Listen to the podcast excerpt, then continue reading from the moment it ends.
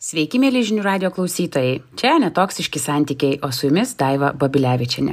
Ir šiandien apie toksiškus santykius ir apie tą būseną, kai protas sako vieną, o širdis visai ką kitą.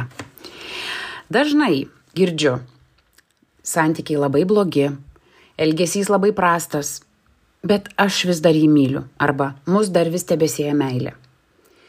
Ir tai tikrai labai dažnai pasireiškia būtent tuo, kad protus suvokiame, kad šie santykiai yra ne mums, kad galbūt išeičių jau nebėra, kad viskas yra blogiau negu blogai, bet širdis, ne va tai širdis, sako priešingai. Bet žinokite, tai ne širdis, tai tas pats protas ir aš tuoj paaiškinsiu kodėl. Jei esate emociškai sudėtingose ar toksiškose santykiuose ir sakote, bet ašgi ją ar jį labai myliu, tai nėra širdies balsas. Tai priklausomybės balsas. Ir toksiški santykiai iš tikrųjų sukelia emocinę priklausomybę. Jei esate patyrę tokius santykius, turbūt žinote, kad ten nėra jokio pastovumo, nėra saugumo, užtikrintumo. Tai kaip linksmieji emociniai, o gal liūdnieji emociniai kalneliai. Juose drama, konfliktai keičiasi su meilės medaus vadinamu mėnesiu ir Kol juose esame, dėl visų dramų, konfliktų, susitaikymų ir meilės e, etapų, mūsų smegenyse vyksta procesai. Kai pykstamės, konfliktuojam, smegenys išskiria adrenaliną. O būtent adrenalinas labai sukelia priklausomybę. Labai, pabrėžiu. Dar sudėtingiau čia viskas pakrypsta tada, kai partneris tai atitolsta, tai vėl myli. Pavyzdžiui, kai myli, Ir kai jaučiame artumą, susitaikymą, ir tas susitaikymas e, toksiškose santykiuose dažniausiai būna daug intensyvesnis, smegenys mumise išskiria dopaminą. O dopaminas yra džiaugsmo, laimės hormonas.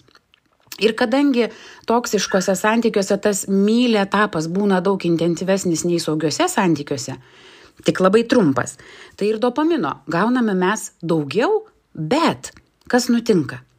Kadangi jis būna trumpas ir smegenys pasigenda dopamino, jos vėl išskiria adrenaliną, kad kuo greičiau vėl gautų dopamino. Žinau, žinau, galbūt skamba painiai, bet jeigu trumpai apibendrint, kai mes esame laimingi ir džiaugiamės, mes gauname dopamino ir iš esmės smegenys visada rinktųsi būti dopamine, su dopamino e, viduje procesais.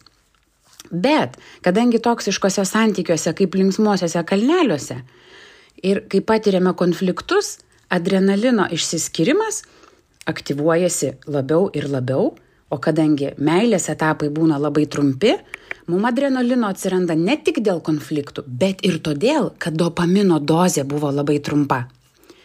Na ir kas įvyksta? Taip tampame priklausomi.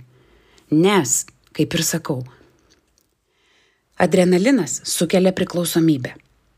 Jisai iš tikrųjų mus jaudrina ir mes tampame priklausomi nuo tų emocinių dramų.